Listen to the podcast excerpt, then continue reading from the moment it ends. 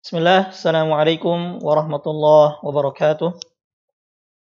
Alhamdulillah wa kafa wa sallallahu ala nabiyyil mustafa wa ala alihi wa sahbihi wa man iktafa amma ba'd. Puji dan syukur kepada Allah Subhanahu wa taala. Salawat dan salam semoga tetap tercurah kepada Nabi kita Muhammad sallallahu alaihi wasallam beserta keluarga, sahabat, dan orang-orang yang senantiasa meniti jak langkah beliau hingga yaumul qiyamah. Ikhwan Fiddin, a'azzani Allah wa. Ini adalah pertemuan ke-19 dari kajian rutin selama bulan Ramadan tahun 1441 Hijriah membahas kitab Mukhtasar Ahaditsus Siyam Ahkamun wa Adab atau ringkasan hadis-hadis seputar puasa, hukum-hukum dan adab-adabnya yang ditulis oleh Syekh Abdullah bin Shalih Al-Fauzan hafizahullah taala. Dan pada pertemuan kali ini insyaallah kita akan membahas hadis yang ke-19 yaitu tentang al-hadis tasi ashar fi hukmil haid wan nufasa yaitu tentang hukum wanita haid dan nifas di bulan Ramadan tentunya. An Mu'adzah binti Abdullah Al-Adawiyah qalat dari Mu'adzah binti Abdullah Al-Adawiyah ia berkata Sa'altu Aisyah radhiyallahu anha faqult. Aku pernah bertanya kepada Aisyah radhiyallahu taala anha maka aku berkata ma balul haidhi taqdi shaum wa la Mengapa wanita haid? Hanya mengkodok puasa dan tidak mengkodok salat. Faqalat kemudian Aisyah radhiyallahu taala anha wa an abiha balik bertanya kepada Muadzah, "Ahruriyatun ant?" Apakah engkau seorang Haruriyah? Haruriyah sebagaimana tercantum dalam footnote di sini adalah nisbatun ila qaryatin fil Iraq qurbal Kufah Haruriyah merupakan nisbat kepada sebuah daerah di Irak dekat Kufah. Nazala fiha awwalu firqatin minal khawarij alladzina kharaju ala Ali radhiyallahu taala an. Di mana di sana kelompok pertama Khawarij muncul pertama kali yang mana mereka keluar kepada Ali radhiyallahu taala anhu. Wa yuqalu liman i'taqada ra'yal khawarij haruriyun dan orang yang meyakini keyakinan khawarij disebut dengan haruri. Wa kana min tashaddudihim fid din wa ra'yuhumul khas wa ra'yihimul khas annal haid taqdi shalah kasawm.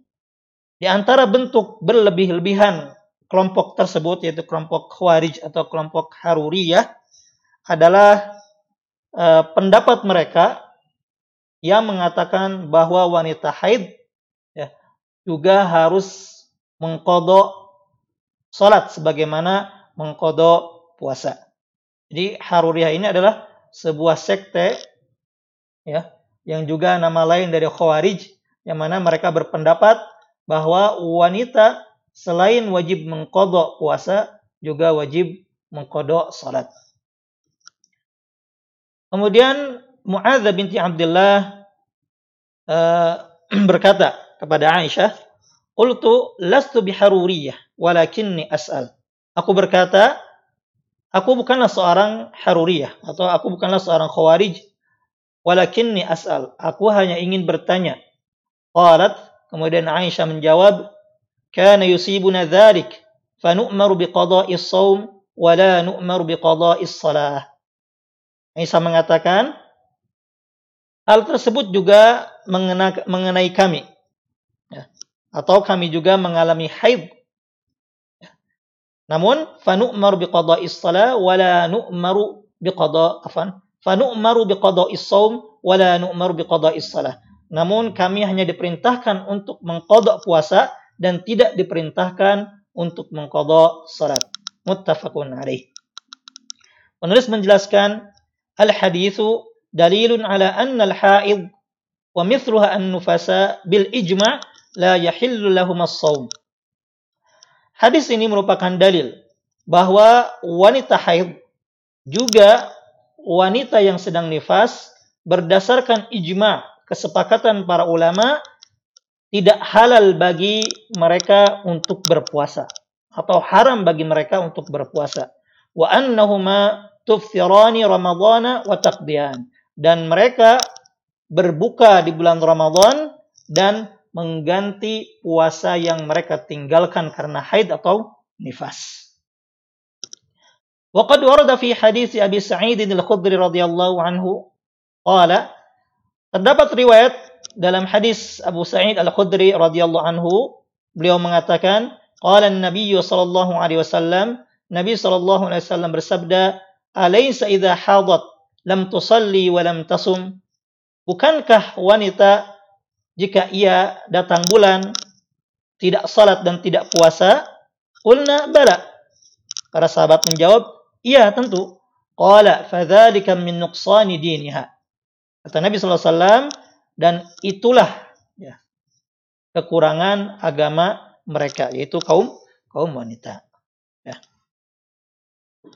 Namun dibalik itu semua, ya, mengapa wanita haid wajib mengkodok puasa, namun tidak mengkodok salat? Tentunya ada hikmah di balik itu, sebagaimana yang dijelaskan oleh penulis wa hadza min rahmatillahi taala bin nisa. Ini adalah bentuk kasih sayang Allah taala kepada kaum wanita. Fa inna shalah tatakarraru kulla yaumin. Karena salat itu dikerjakan berulang kali setiap hari atau rutin setiap hari. Wal haidu yatakarraru kulla syahrin ghaliban. Dan haid itu berulang setiap bulan fa ilzamuha biqada'is shalah fihi masyaqqah. Sehingga mengharuskan wanita untuk mengganti atau mengqada' salat itu menyulitkan. Wa fit ta'abbudi bi ada'iha ba'dal haidhi ghinan 'anit ta'abbudi bi qada'iha.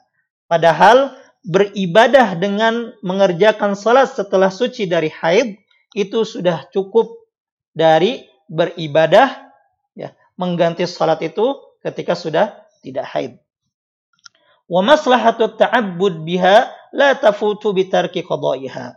Juga kemaslahatan beribadah ya, kemaslahatan beribadah itu tidak luput dengan tidak mengkodoknya.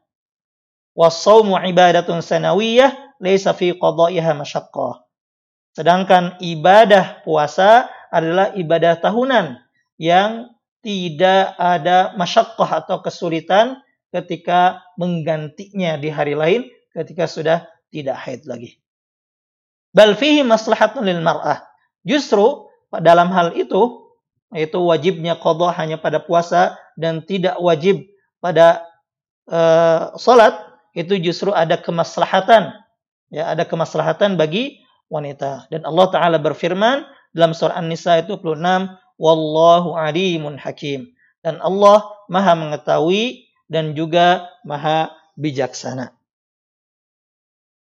Kemudian penulis menjelaskan tentang beberapa kasus yang dialami oleh wanita haid atau nifas ketika di bulan Ramadan.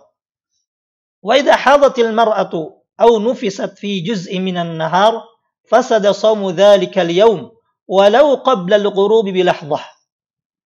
Jika seorang wanita ternyata datang bulan atau darah haidnya keluar atau nifas di pertengahan hari atau di bagian mana saja di siang hari, maka konsekuensinya adalah puasanya batal. Meskipun darah haidnya keluar beberapa saat sebelum waktu maghrib atau sebelum terbenamnya matahari. Nah, di mana seorang sudah diperbolehkan berbuka. Wanita tersebut tetap puasanya batal.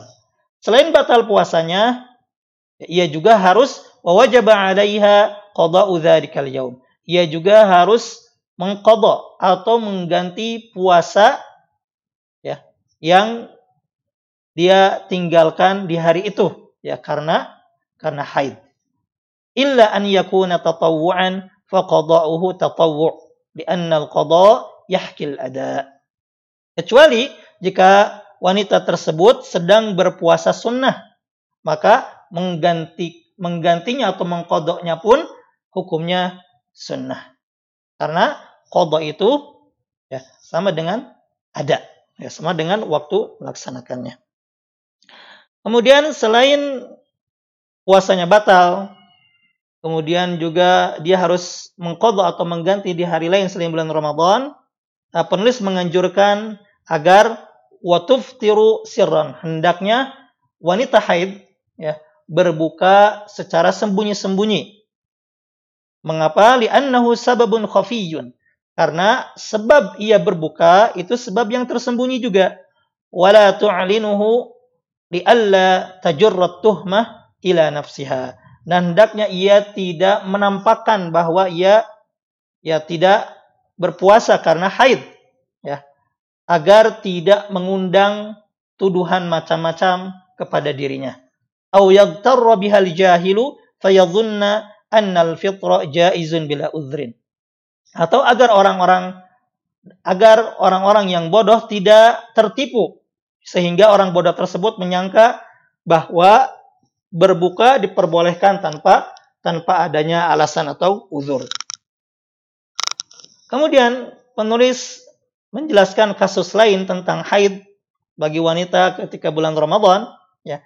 Fa in ahassat bi haid min waj' min waj'in aw intiqalin jika seorang perempuan merasa akan datang bulan seperti misalkan sakit perut atau gejala-gejala ya, yang lainnya yang menunjukkan bahwa ia akan datang bulan. Walam yanzil syai'un illa ba'dal ghurub fasawmuha sahih. Namun ternyata darah haidnya baru keluar setelah waktu maghrib atau setelah terbenam matahari. Maka bagaimana ya dengan puasanya? Maka fasawmuha sahih, maka puasanya tetap sah. Mengapa? Li'annal hukma mu'allakun biwujudil haid walam yujad. Karena hukum tidak bolehnya puasa bagi wanita haid itu tergantung adanya atau keluarnya darah haid dan sementara itu ya sebelum terbenamnya matahari darah haid tersebut belum keluar meskipun gejala-gejalanya sudah ada. Jadi barang siapa yang merasakan misalkan 5 menit atau 10 menit uh, akan berbuka ya. Kemudian dia merasakan akan datang bulan namun darah belum keluar dan baru keluar setelah azan maghrib maka puasanya tetap sah. Karena hukum hukumnya dikaitkan dengan munculnya atau keluarnya darah haid tersebut bukan dengan gejala-gejala uh, haid seperti itu. Eh, kemudian penulis juga menjelaskan kasus lain tentang wanita haid saat berpuasa atau di bulan Ramadan. Wa idza tahurat al-haidu athna'a nahari Ramadan lam yasihha shaumu dzalika al-yaum. Apabila wanita haid suci di pertengahan hari bulan Ramadan ya. Bagaimana status puasanya? Lam yasih shaumu dzalika al-yaum maka puasanya tetap tidak sah di hari itu. Mengapa? Liwujudi ma yunafis siyam fi awwalihi. Karena adanya hal yang menafikan atau membatalkan puasanya tersebut di awal waktu. Ya. Jadi orang yang sedang berpuasa atau wanita yang sedang berpuasa kemudian tiba-tiba di siang hari atau di pagi hari keluar darah haid, ya, maka puasanya tersebut batal. Ya, puasanya tersebut batal karena adanya hal yang ya, menafikan di awalnya. Ya. Afwan. Ya, apabila seorang wanita uh, yang haid kemudian ia suci di uh, pertengahan hari, ya maka puasanya tetap tetap tidak sah, ya tetap tidak sah karena adanya yang menafikan puasanya tersebut di awal waktu puasa. Lalu apa yang harus dia lakukan jika ia uh, suci di pertengahan hari? Ya. Di pertengahan hari. Ada dua pendapat. Yang pertama, wa min ahli ilmi man qala tumsiku baqiyatal yaum ihtiraman lizaman ma'a wujubil qada. Pendapat pertama mengatakan ia berpuasa di sisa hari di sisa hari di mana ia suci sebagai bentuk penghormatan terhadap bulan Ramadan. Selain itu juga ia wajib mengqadha. Ini pendapat yang pertama. Wa minhum man qala la tumsiku li'adam istifadatiha min hadzal imsak. Pendapat yang kedua mengatakan ia tidak perlu berpuasa ya karena ia tidak mendapatkan faidah apa pun dari puasanya tersebut. Likaunil qada wajiban 'alaiha karena ia juga wajib mengganti atau mengkodok ya hari puasa tersebut yang mana ia suci di pertengahan harinya. Wahada adhar dan ini adalah pendapat yang nampak bagi tulis. Jadi barang siapa yang eh, wanita haid ya yang suci di pertengahan hari bulan Ramadan ya maka konsekuensinya adalah puasanya tetap tidak sah.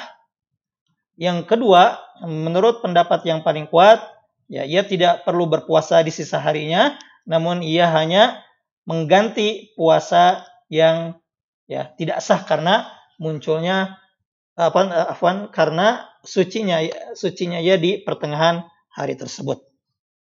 Kemudian penulis menjelaskan kasus lain seandainya wanita haid tersebut suci di malam hari bulan Ramadan. Wa idza tahurat lailan fi Ramadan walau qabla al-fajr bi lahdhah bi an inqata'a ad-damu wa ra'at tuhra wajib 'alaiha as-shaum. Ya. Apabila wanita tersebut suci di malam hari bulan Ramadan meskipun beberapa saat sebelum terbitnya fajar ya dengan berhentinya darah haid dan ia telah melihat telah memastikan sudah suci maka ia wajib berpuasa ya maka ia wajib berpuasa li'annaha min ahli siyam walau lam tagtasil illa ba'da tulu'il fajri kama taqaddam. Karena ia sudah menjadi orang yang wajib berpuasa meskipun saat itu ia belum mandi wajib kecuali setelah terbit fajar atau setelah azan subuh sebagaimana di penjelasan pertemuan sebelumnya. Ya. Li'anna al-iktisal laisa syaratan fi shaum. Karena mandi wajib bukanlah syarat untuk berpuasa bukan syarat untuk berpuasa jadi apabila seorang wanita haid ya, di bulan Ramadan kemudian suci di malam hari Ya, meskipun sucinya itu beberapa saat misalkan satu menit sebelum terbit fajar atau sebelum adzan subuh, ya maka ia wajib berpuasa meskipun ia baru bisa mandi wajib setelah adzan subuh. Ya, karena mandi wajib bukanlah syarat wajibnya berpuasa. Eh, kemudian penulis menjelaskan tentang wanita yang nifas yang suci sebelum genap 40 hari. Wa idza tahurat an-nufasa qabla al-arba'in wajib 'alaiha an tasuma idza kana dzalika fi Ramadan. Apabila wanita yang sedang nifas e, suci sebelum genap 40 hari, maka ia wajib berpuasa jika itu di bulan Ramadan. Wa taf'alu ma taf'aluhu tahirat dan ia wajib mengerjakan sebagaimana yang dikerjakan wanita-wanita yang suci dari haid atau nifas. Ya. Li'annahu la hadda liaqallin nifas. Karena tidak ada batasan minimal waktu nifas. Ya. Jadi orang yang uh, nifas kemudian ternyata nifasnya berhenti sebelum genap 40 hari ya di bulan Ramadan maka ia wajib berpuasa sebagaimana wanita yang suci dari dari haid. Kemudian penulis menjelaskan tentang istihadah, yaitu darah penyakit yang keluar dari e, kemaluan wanita selain darah haid dan juga selain darah nifas. Ya. Wa amal istihadah fala tamna'us. Adapun istihadah yaitu keluarnya darah penyakit maka itu tidak menghalangi wajibnya puasa. Lianna an-nassa warada fi damil haid wan wan nifas. Karena yang ada ya, dalil yang tentang darah keluarnya darah haid dan nifas saja. Wali anna damal istihadah mustamirun. Juga karena darah istihadah itu keluarnya terus-menerus. Wadamul haid muaqqat. Sedangkan darah haid itu keluarnya sementara. Wali anna damal istihadah la yamna'us salah wala bil bait. Fakadzalika asyam. Begitupun darah istihadah atau darah penyakit tidak melarang wanita atau tidak e, melarang seorang wanita untuk salat, juga untuk tawaf di Ka'bah, begitupun dengan puasa. Wahada bi ijma'i ahli ilmi. Dan ini berdasarkan ijma atau kesepakatan para ulama. Jadi apabila seorang wanita ya, keluar darah istihadah atau darah penyakit, yaitu darah selain darah haid dan darah nifas, maka ia tetap wajib berpuasa. Ya, karena dalil-dalil yang ada itu hanya melarang wanita haid dan wanita nifas saja. Dan juga karena darah istihadah itu keluarnya terus, sedangkan haid itu sementara dan waktunya biasanya tertentu. Ya. Sudah terjadwal. Dan juga karena darah istihadah itu tidak melarang seorang wanita untuk salat atau atau seorang wanita yang keluar dari istihadah itu tetap wajib salat dan juga ya diperbolehkan untuk tawaf di Ka'bah. Begitupun dengan puasa apabila seorang wanita keluar dari istihadah, bukan darah haid atau darah nifas. Wallahu taala alam. Jadi demikianlah penjelasan tentang hukum wanita haid dan wanita yang nifas atau yang keluar dari, dari istihadah di bulan Ramadan atau ketika sedang berpuasa. Ya. Kemudian penulis menutup dengan doa Allahumma Rabba Jibril wa Mikail wa Rabba Israfil Na'udzubika min azabil qabri wa min harrin nar. Ya Allah, Rabb malaikat Jibril, Mikail, dan Rabb malaikat Israfil, kami berlindung kepadamu dari azab kubur dan dari panasnya api neraka. Wa na'udzubika min qalbin la yakhsha. Kami juga berlindung kepadamu dari hati yang tidak khusyuk. Wa min du'ain la yusma' dari doa yang tidak didengar. Wa min nafsin la tashba' dari jiwa yang tak pernah kenyang wa min ilmi wa min ilmin la yanfa dan dari ilmu yang tidak bermanfaat. Waghfirillahumma lana wa liwalidayna wa li jami'il muslimin. Ya Allah ampunilah kami kedua orang tua kami dan seluruh kaum muslimin. Demikian yang bisa dijelaskan mudah-mudahan bermanfaat. Subhanaka allahumma wa bihamdik asyhadu an la ilaha illa anta astaghfiruka wa atubu ilaik. Assalamualaikum warahmatullahi wabarakatuh